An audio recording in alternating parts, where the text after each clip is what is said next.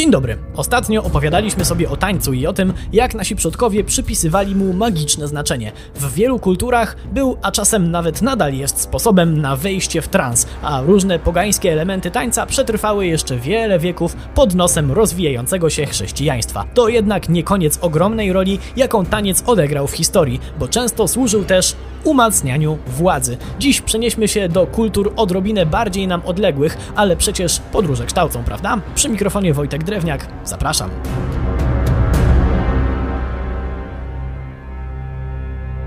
Zacznijmy naszą podróż od Indii. Taniec jest tam prawie tak stary jak świat, co wiemy ze staroindyjskich ksiąg, zabytków archeologicznych, ale też z super ważnego traktatu o tańcu, najstarszego znanego nam podręcznika tańca, który dokładnie opisywał najważniejsze jego elementy. W okresie wendyjskim, czyli od 1500 do 500 roku przed naszą erą, taniec miał znaczenie głównie magiczno-obrzędowe. Kapłani, tańcząc, wypraszali u bogów łaski, jednak z czasem uznali, że co się mają sami gibać i coraz częściej to ważne zadanie zlecali zawodowym tancerkom. Zresztą taka fucha świątynnej tancerki była umotywowana w tamtejszej mitologii. Bogowie co prawda mieli taniec wymyślić, ale podobnie jak ich ziemscy przedstawiciele, zamiast tańczyć sami, stworzyli boskie tancerki. A zatem ziemska organizacja pracy była inspirowana bezpośrednio religią. O ile taki święty taniec był dość mocno rozwinięty, tak to do czego tańczono już mniej, bo za muzykę służyły recytowane teksty modlitewne. Nie dziwię się, że potrzeba było profesjonalistki, żeby do tego tańczyć. Przyszedł jednak moment w dziejach Indii, kiedy taniec przestał być wyłącznie kojarzony z religią. Tak w okolicach V wieku, już naszej ery, na dworach różnych bogatych gości, triumfy święciły taneczne adaptacje klasyków ówczesnej literatury. Tylko niech nikt sobie nie pomyśli, że jak taniec zaczął być rozrywkowy, to już mógł być odstawiony byle jak. O nie, to właśnie wtedy powstały najważniejsze zasady mundra i karana. Brzmi to bardzo obco, ale spokojnie, już spieszę z wyjaśnieniami. Thank you.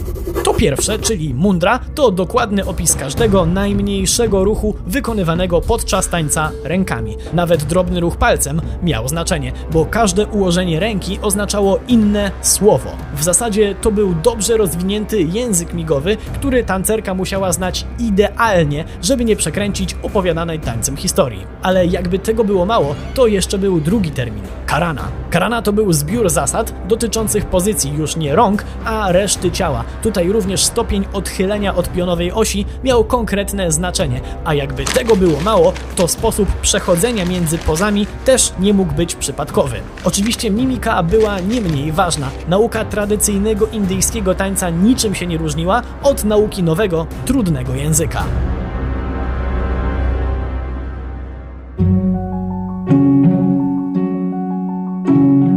A jak się sprawy taneczne miały w Chinach? W zasadzie przez długi czas podobnie. Taniec był mocno związany z tamtejszą filozofią, konfucjanizmem i pomagał ludziom uzyskać spokój. Taniec chiński był poważny i dostojny. Przypisywano mu również role lecznicze, jednak najciekawsze akcje zaczęły mieć miejsce, kiedy Chiny zostały rozbite na wiele małych państewek. Bowiem w tym okresie bez dobrych umiejętności tanecznych można było zapomnieć o zostaniu władcą.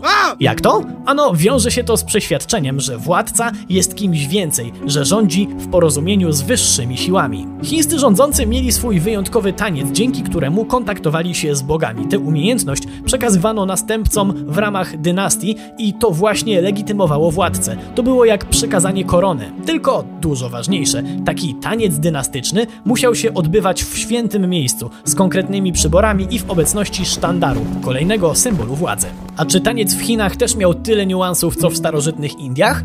Najprawdopodobniej tak, bo kiedy na przykład jedna dynastia podbiła ziemię drugiej, to właśnie tańcem prezentowano historię wojennych zmagań nowych panujących czy jak kto woli okupantów. A czy były tańce mniej poważne? Teoretycznie tak, ale w Chinach już wtedy państwo nie za bardzo lubiło, jak ludzie mają za dużo swobody. To też propaganda przemycana była nawet do publicznych przedstawień. Morał zawsze musiał być taki sam. Nie ma rady, trzeba się podporządkować. Tak świat jest zbudowany i nie ma się po co wychylać. Wiele wieków musiało minąć, żeby taniec stał się nieco mniej zabarwiony politycznie. A jak tańczono w starożytnym Egipcie? Spokojnie, spokojnie o tym opowiem już za tydzień. Przy mikrofonie był Wojtek Drewniak. Do usłyszenia. thank you